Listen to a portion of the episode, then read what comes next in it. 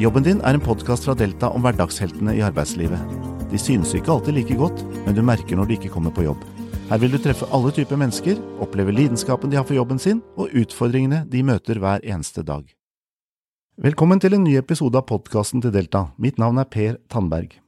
I dag skal vi snakke om et spennende tema med en spennende person. Hun kom fra Bulgaria til Norge i 2007 og måtte starte hele yrkeslivet sitt på nytt. I tillegg måtte hun lære seg et språk hun ikke kunne. Hjertelig velkommen hit, Dragnimira Johnsen. Tusen takk, en ære og en glede.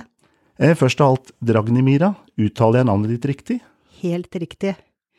Og kan jeg bare utdype litt at dette er faktisk et litt spesielt navn, for det er et unikt navn. Den ble laget av mine foreldre, og det var en nødløsning. Fordi ifølge planene så skulle jeg være en gutt, og så skulle jeg ha navnet til mitt farfar, som het Dragni. Så ble det en jente, og hva gjør man da? Da finner man på noe spennende, og da ble det Dragni pluss Maria, som ble til Mira, og så Dragnimira. I Bulgaria finnes det Dragomir og Dragomira, men ikke Dragnimira. Så det er meg, og det er bare meg. Og så i tillegg til det, fru Johnsen, det er jo bare én av Dragnimira Johnsen. Så du er en unik person på mange måter? Ja, på mange måter, det tror jeg. Vi skal snakke, altså snakke litt om hvordan du tok tak da du kom til et nytt land, hvordan du gikk fram for å lære deg språket, og hva du gjorde for å komme deg ut i jobb. Med andre ord et veldig aktuelt tema. Men aller først er jeg litt nysgjerrig på hvorfor kom du opprinnelig til Norge? Ryktene går om Amors piler har vært inne i bildet? Men da er ryktene helt uh, sanne. Det er uh, Amors piler som uh, spilte noen rolle. For å si det sånn, fram til sommeren 2006 hadde jeg ikke noe anelse at jeg skulle komme til Norge. For meg, Norge helt fra min barndom var Anita Hegeland. For da jeg var veldig glad i henne da jeg var fire år gammel, hun var en barnestjerne i Bulgaria òg. Så jeg visste at den blonde jenta som sang fint kom fra Norge, et land i nord. Og selvfølgelig hadde jeg lært om Norge i skolen, men det var et land der i nord. Men så skjedde noe sånn som ligner på et lite eventyr. I 2006 så traff jeg en mann på nettet. Og det i seg selv er ikke noe uvanlig, akkurat nå gjør det mange det, men det som var veldig spesielt, var det at det var ikke noe datingside, det var rett og slett en tilfeldig samtale på chat med noen. Jeg skrev en gang i et sånn chatgruppe ICQ, folk over 40. Det var noen som het Lars, fordi der blant de andre navnene var det mye merkelig som fantes, men jeg klikket på Lars. Hei, skrev jeg. I'm from Bulgaria. I'm from Norway. Og så fikk jeg et veldig spesielt spørsmål. What is the weather in Sofia? Så tenkte jeg jøss, den mannen vet at uh, til og med hovedstaden i Bulgaria heter Sofia, det er jo mange som ikke vet at Bulgaria finnes engang. Så jeg husker ikke hva jeg svarte, men neste spørsmål, what is the weather in Burgasen Varna? Wow, tenkte jeg, denne mannen kan mye. Og tredje spørsmål som var helt uh, overraskende, and what is the weather in Kapitan Andrevo? Da ble jeg helt sjokkert, for dette er grenseovergangen mellom Bulgaria og Tyrkia. Så tenkte jeg, hvordan i all verden vet den mannen om det? Svaret viste seg veldig enkelt etter hvert. Mannen er tolloverinspektør, så i hvert fall grenser kan han.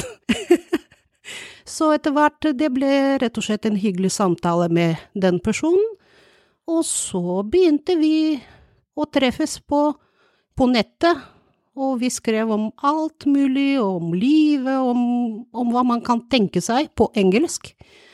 Så til slutt den mannen bestemte seg for at hvis jeg hadde lyst, så kunne han komme og besøke meg. Og det gjorde vi, men det tok litt tid, kanskje en og en halv måned før han kom, så vi hadde enda mer tid til å snakke sammen. Og så ble det et eh, rett og slett hyggelig møte i Bulgaria, vi hadde noen dager sammen. Men eh, før han skulle dra til Norge, så ja, det er kanskje litt, litt mye å fortelle, men min mor døde, så de fikk ikke treffe hverandre. Det var mye glede og dramatikk på, på en gang. Og så fortsatte vi å snakke sammen. Det var jo en veldig sånn stor opplevelse. Så ja, hva skjedde etterpå? Da kom jeg tre ganger til Norge. I 2007 var jeg omtrent en sånn pendler mellom Bulgaria og Norge, og så til slutt så Vi tok et uh, voksent valg. Det ble sagt uh, jeg tror at vi trives godt sammen, så hvis du vil, så kan du flytte til Norge, og vi gifter oss, hvis du vil. Dette var uh, dristig, men jeg angrer ikke på det. Så i september 2007 flyttet jeg til Norge, og så 29. september så giftet vi oss, og det har vi vært siden. Fantastisk historie. Eh, vi skal komme litt tilbake til Lars etter hvert, men vi må en tur tilbake til Bulgaria òg. Det må vi. Eh, for du er opprinnelig veterinær. Det er jeg. Og du var ferdig utdannet i en tid hvor det ble litt trøblete å få jobb, rett og slett. Fortell litt om det. Ja, det er akkurat den årsaken at jeg aldri begynte å praktisere yrket som jeg var veldig glad i. Årsaken var at uh, jeg var en veldig god student. Jeg var veldig interessert i kirurgi. Så jeg hadde også en professor som var veldig interessert i min uh, karriereutvikling, så han spådde at en gang jeg skulle være kanskje lærer på en ny avdeling som skulle åpnes under kirurgiavdelingen for, uh, for kjæledyr, for det fantes ikke. Som i en dårlig roman. Den mannen døde brått av hjerteinfarkt, og så to uker etter døde min far. Og så til slutt så gikk jo hele østblokken i oppløsning. Og da var det slik at eh, mange kollektive bruk ble nedlagt, og ingen lenger hadde sikkert arbeid. Mange dyktige folk med erfaring, med lang erfaring, ble arbeidsløse. Og jeg pleier å si etter hvert ble det flere dyrleger enn det var kuer å behandle, så jeg hadde en nubbesjanse til å begynne som nyutdannet. Det ble rett og slett ikke noe mer enn at jeg fikk et veldig godt vitnemål. Siden jeg må jo begynne måtte jobbe, så har jeg brukt min, mine kunnskaper innen språk. Men før jeg flyttet til Norge, så jobbet jeg i en uh, stor bedrift som har blitt enda større etter at jeg flyttet. Så hadde jeg vært på mange utvikling av nye rutiner, kontakt med utenlandske leverandører, bulgarske kunder, HR-ansvarlig, eller ja, hva kan man tenke seg i den bedriften. Så ikke noe med medisin å gjøre i det hele tatt. Men, men så, i 2007, så befant du deg da helt plutselig i et annet land? Det gjør jeg.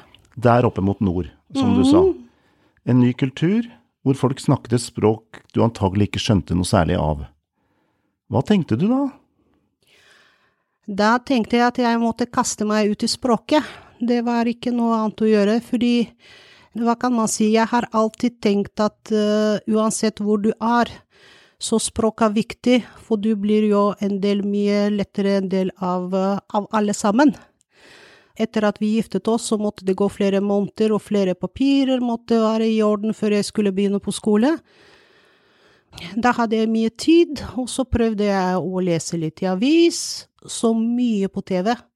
Da var det mange serier på engelsk selvfølgelig som var oversatt til norsk, og da hjalp det også. Så prøvde jeg å lese litt VG, så hver eneste dag så måtte det brukes til å lære noe nytt. En ny setning, sånne småting.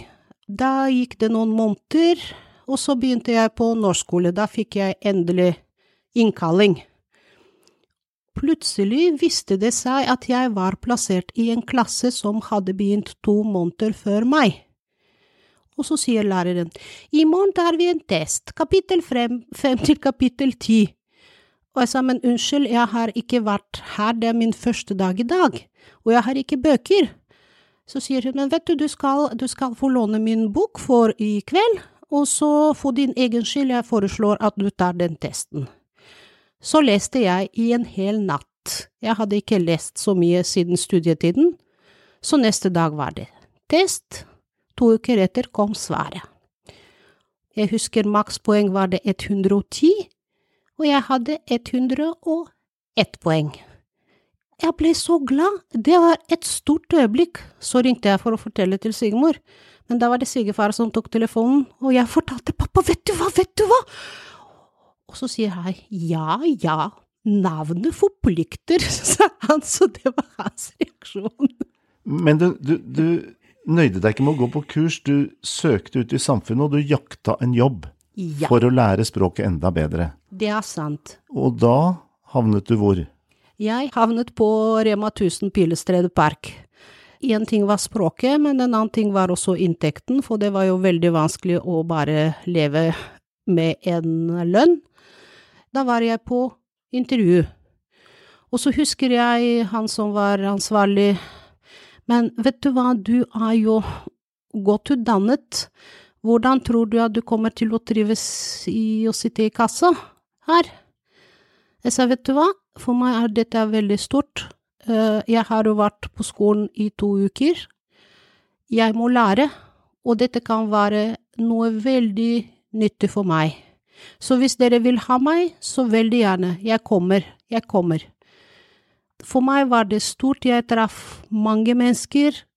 Jeg lærte mye om tradisjoner, for det var ikke bare svigermor, men jeg jobbet jo et helt år i den butikken, og alt gikk jo foran meg med jul og pinnekjøtt og ribbe og fårikål om høsten og øl til rus og kransekake og alt som man kan tenke seg. Fredagstaco, selvfølgelig.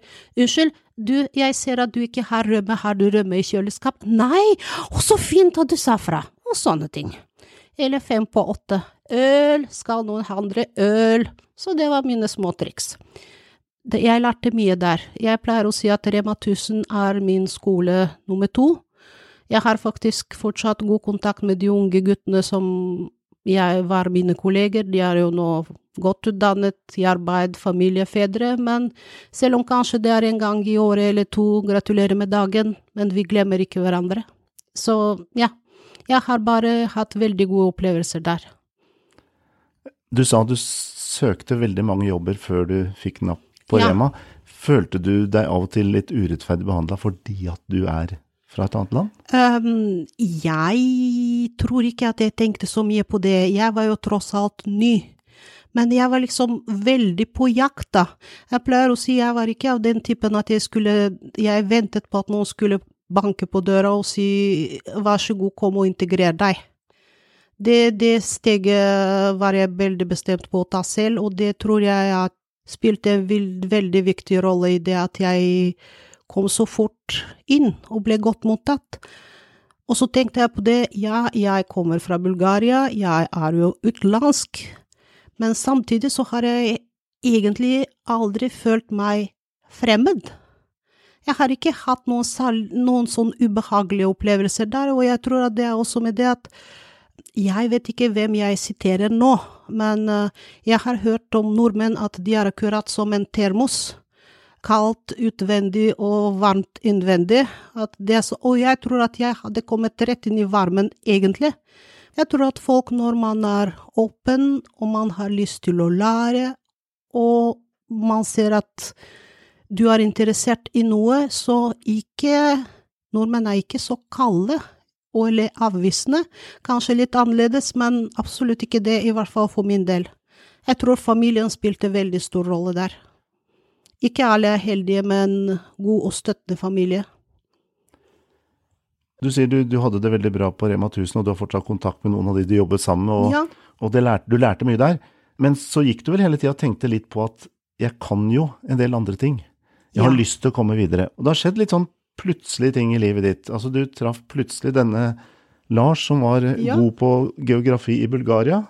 Og så kom du hit, og så var det en dag du kjørte T-banen, så hang det plutselig en plakat der Ja. om en utdanningsmulighet som du fikk litt lyst til å se nærmere på. Hva Ja. var det? Det var en plakat i oransje, jeg husker det faktisk eh, i oransje farge. Eh, Det sto 'Vil du komme i jobb etter seks måneder?' Og da var det en annonse om eh, flere studier på Utdanningshuset. Det heter nå Treiderskoler. Blant annet sto det medisinsk sekretær. Da hadde jeg vært uh, i jobb på Rema kanskje i fire-fem måneder, men da hadde jeg allerede begynt å tenke på at uh, nå, nå må jeg også gjøre noe annet etter hvert. Og så gikk jeg og spurte skolen, de var jo veldig Da hadde jeg møte med en rådgiver, og så hadde vi litt sånn diskusjon hjemme om hva eventuelt jeg kunne begynne å studere. Så hadde jeg litt tanken kanskje tannlegeassistent, men som mannen min, han har fornuften selv. Vet du, hvis du eh, begynner som medisinsekretær, da kan du jobbe både privat og offentlig, det er kanskje litt flere muligheter, du har tross alt lært medisin, så kanskje du må tenke litt på det.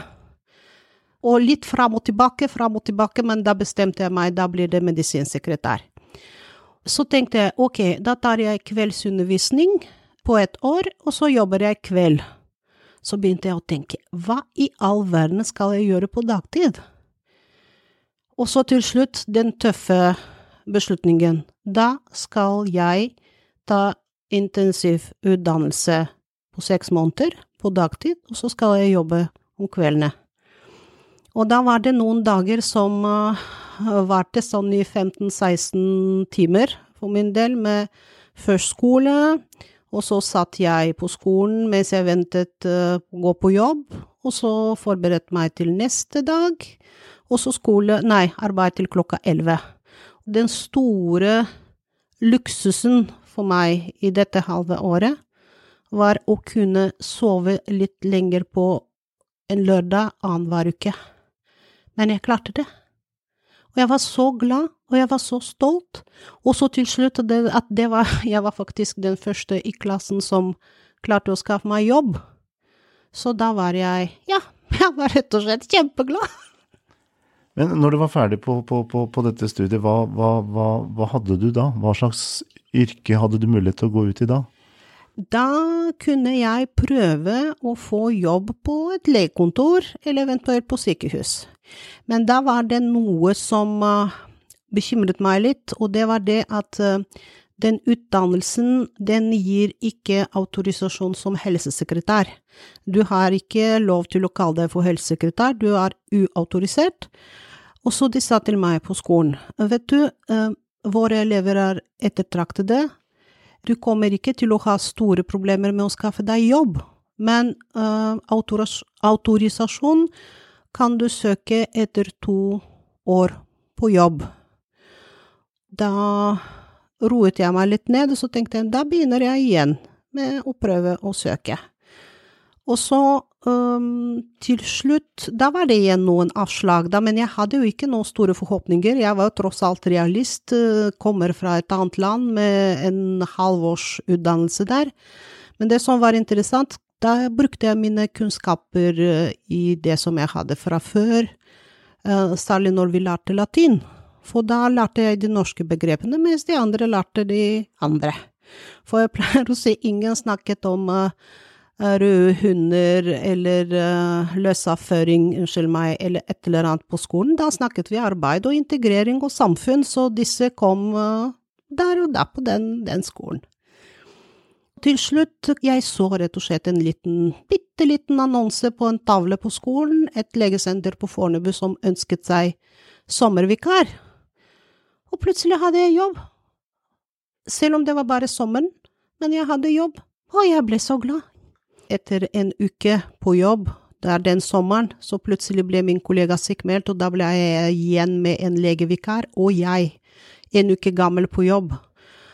Og nordmenn har en sånn tendens at uh, ting skal skje rett før sommerferien og rett før jul, så det er så typisk, så da var det, da var det kaos. Men etter en uke så levde jeg fortsatt, og jeg var så fornøyd og så glad, så tenkte jeg det er min jobb, dette klarer jeg. Du ble på Fornebu en stund? Ja. For du nøyde deg ikke bare med et sommervikariat, de var veldig fornøyd med deg, så du fikk fortsette der? Ja, det gjør jeg. Eh, men dette med autorisasjon gnagde hele tida litt i Det var noe du tenkte på? Det var ikke bare gnagde litt, det gnagde mye, men jeg kunne ikke gjøre noe før jeg eh, før jeg hadde fullført to år på jobb. Da det begynte å nærme seg to år, så begynte jeg å, å si til mine arbeidsgivere at nå skal jeg søke, og så søkte jeg. Og du kan tenke deg, skjema, med alle personopplysninger, alle vitnemål og alt sammen, og så står det høyere grad av utdannelse. Og da står det utdannet veterinær, og så skal den veterinæren søke om autorisasjon for helsesekretær. Men så da sendte jeg alle papirene, og så sto det behandlingstid fra én til fire måneder. Så begynte jeg å, å vente. Det var ikke noe annet å gjøre. Men så, i romjula 2011, kommer jeg hjem, og mannen min sier det er en stor konvolutt til deg fra Statens autorisasjonskontor. Jeg ble Hva skjer nå? Det, det var gått Det var gått to uker. Så åpner jeg konvolutten, og der var det autorisasjonen. Og jeg begynte å hoppe, og jeg begynte å skrike, og dattera mi var der på besøk sammen med daværende kjæreste, og han bare så på meg, og så sa han jeg skjønner at noe skjer, bare jeg ikke skjønner hva som skjer. Og så se, se, jeg har fått det, jeg har fått en autorisasjon! Og så mannen min sier, men Danny, da, du, du er jo tross alt akademiker, du har jo vitnemål, du har jo så mye, og så er du glad for dette her. Jeg sa, men skjønner du ikke, etter min vigselsattest, dette er faktisk det viktige dokumentet mitt i Norge. Jeg er nå autorisert helsepersonell, det har jeg strevd for så fort. nå er jeg det. Så da, hva skjer med en autorisasjon, i hvert fall for meg, da ble den ikke begravd i en perm sammen med de andre papirene, den fikk ramme, og henger i oppgangen hos oss, da. Det har alltid vært der. Viktig ting. Går det an å beskrive Du sier det sjøl, det var det viktigste papiret i ditt norske liv, bortsett fra vielsesattesten. Var det rett og slett en stor seier at du fikk til dette her? Ja, for min del. Hadde du tvilt underveis? Det virker ikke som du er veldig redd for å kaste deg ut i nye ting? Nei, det er jeg faktisk ikke, og jeg tror at man må tørre, faktisk, særlig når det gjelder kunnskap. Innerst inne så kanskje tvilte jeg ikke så mye på at jeg skulle få den, men at jeg skulle få den så fort. Det var, det var stort at man hadde på en måte øh, vist meg tillit. Og selv om det sto veterinær, men veterinær med en god utdannelse og alle fullførte kurs, for det var mange på disse to årene, så hadde folk skjønt antagelig at jeg tilliten verdt, så det var ikke sånn, et papir som du får fordi du har fullført den utdannelsen. Det, jeg har jobbet for, for det papiret, det viktige papiret. Og så ble det en helt annen selvfølelse, og man ble rett og slett større. Så det som skjedde etter det, var at um, jeg ble veldig opptatt av å bli kalt for helsesekretær. Nå er jeg helsesekretær.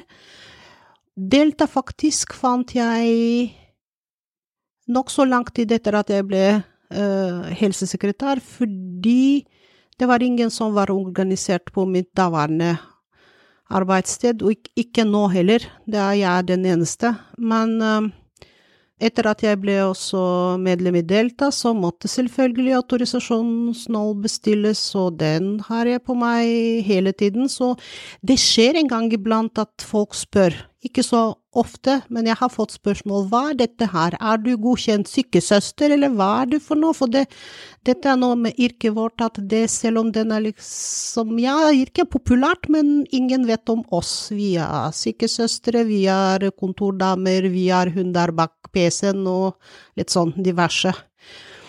Så jeg pleier å si, vet du, dette er kvalitetsstempel, det betyr at du kan stole på meg, det er, jeg er autorisert helsesekretær. Og jeg kan sitte både i skranke, og jeg kan ta blodprøve og analysere, så jeg kan dette her. Du er i trygge hender. Litt om, om dette du er gjennom nå, for det at eh, det å være helsesekretær, da befinner du deg jo i en posisjon mellom legen og pasienten. Ja. Du skal hjelpe begge. Ja. Eh, og det er ikke alltid så lett. Nei, det vil jeg tro. Og, og, og folk kommer jo stort sett til et legekontor for, for det at de er bekymret for et eller annet. Ja.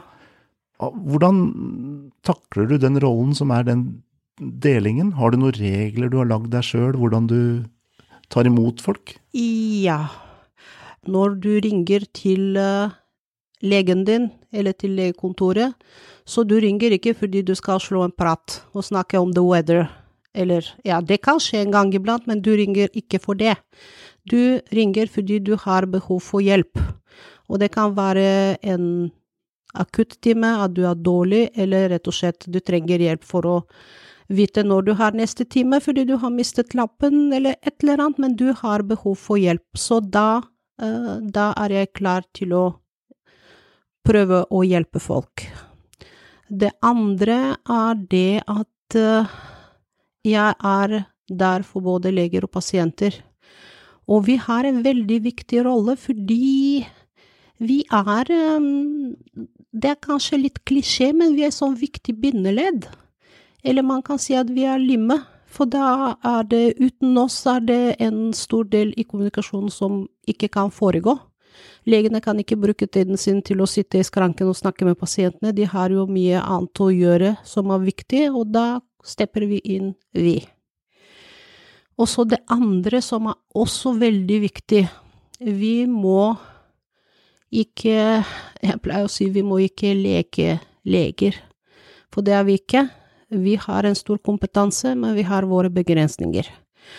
Det som jeg har tenkt, det var en viktig tanke for meg, men den fikk jeg faktisk utvide i den utdannelsen som jeg tok nå senere, helseadministrasjonssekretær, et uh, nettstudium fra Norges yrkesakademi. Det heter rett og slett faglig forsvarlighet, og det finnes i flere lover, og det finnes i våre etiske retningslinjer. Det er så farlig, og man må ikke si nei hvis man føler at man har kunnskapen. Man må kaste seg inn i nye oppgaver, men samtidig du må være veldig forsiktig hva du kan, og hva du kan uttale deg om, for det er veldig fristende å gi noen ganger noen velmente råd som kan være veldig riktige for noen og veldig farlige for noen andre. Mm. Så da må man vite hva man, hvor mye man kan strekke seg. Så dette er mine tre mine tre pilarer. Du jobber i dag på RIS legesenter i Oslo? I Oslo, ja. Et fast legesenter. Trives du på jobben? Ja, jeg elsker jobben min.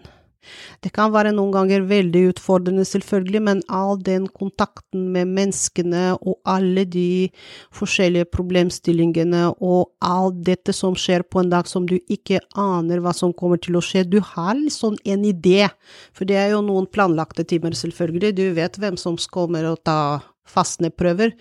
Men da kommer noen for noen prøver, noen ringer fordi det er noe akutt, noen kommer på døra og ja, besvimer eller et eller annet skjer. Så hver dag er annerledes. Det er ikke noe fasit der. Jeg har en kollega som alltid begynner eh, Ja da, vi får se hvordan det blir i dag, da. Så det er alltid det, er liksom, det er første setning på, på dagen. Vi skal se. Jeg sa, du vet jo, det er alltid spennende. Noe skjer. Så det skjer en gang, veldig sjelden gang at det er noen rolige dager, men stort sett er det fullt kjør.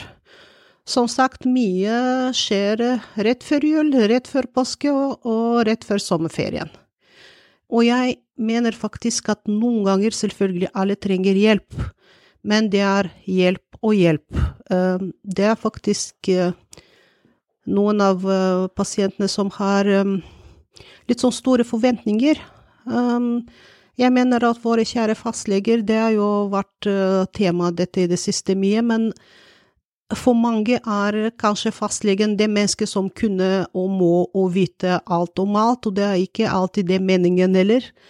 Men uh, jeg pleier å si noen må oppdras litt, men det går stort sett fint. Selv om det noen ganger er det vanskelig å si nei, men nei kan også sies på forskjellige måter, slik at det ikke blir oppfattet som avvisning, men som en forklaring. Da går det veldig fint. Vi nærmer oss eh, slutten, Ragnhild Eh, men jeg har lyst helt på tampen til å spørre deg, hvilke tips vil du gi til andre kvinner, eller menn, som kommer til Norge og som vil ut i arbeidslivet så raskt som mulig? Ja, um, det første tror jeg er øh, det som jeg sa litt før, ikke gjem deg, ikke vent, vær proaktiv. Fordi det er så viktig at du viser interesse. Det finnes jo så mange gode tilbud. Eh, det kan være at ikke alle er så, så heldige med en sånn støttende familie uh, som jeg har, men tross alt det finnes mange gode tilbud og mange muligheter for folk for å lære seg språket. Og ikke tenk på det at nordmenn er veldig flinke i engelsk og elsker å snakke engelsk. Lær deg, lær deg norsk. Så ja, man har jo noen utfordringer, det er noen lyder som er nesten uoverkommelige for, eh, som jeg sier, for tunge, en tunge som ikke er opprinnelig norsk, og ja, det skjer en gang iblant at jeg, selv om etter så mange år, så da produserer jeg noen små morsomheter, men når man ser at du prøver, og at du er bestemt, så er det en helt annen holdning. Jeg har noen sånne små eksempler. Uh, jeg sa til en mann som jeg hadde renset ørene, så vet du, nå er du nyskilt. Så så han veldig forundret, men jeg er jo gift, da! Og da, ja, skylt, selvfølgelig, jeg har skylt ørene, han er ikke skilt.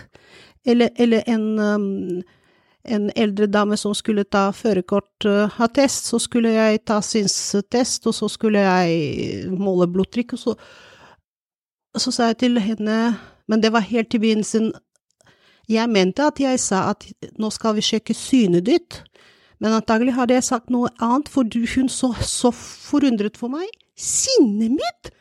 Hva, hva, mener du nå? Så sa jeg øynene, men de er på plass, ja, synet, så sånne småting, noen doble konsonanter, noen y og i, men uansett, lær deg norsk.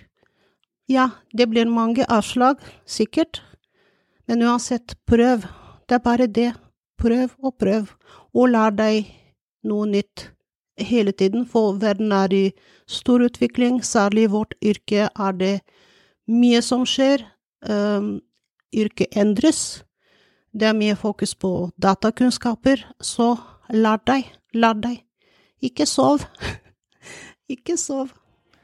Ragnhild tusen hjertelig takk for at du delte historien din med oss. Takk for at du kom. Tusen takk, det var en glede. Du har nå hørt på Jobben din, en podkast fra Delta. Delta er en partipolitisk uavhengig arbeidstakerorganisasjon i YS.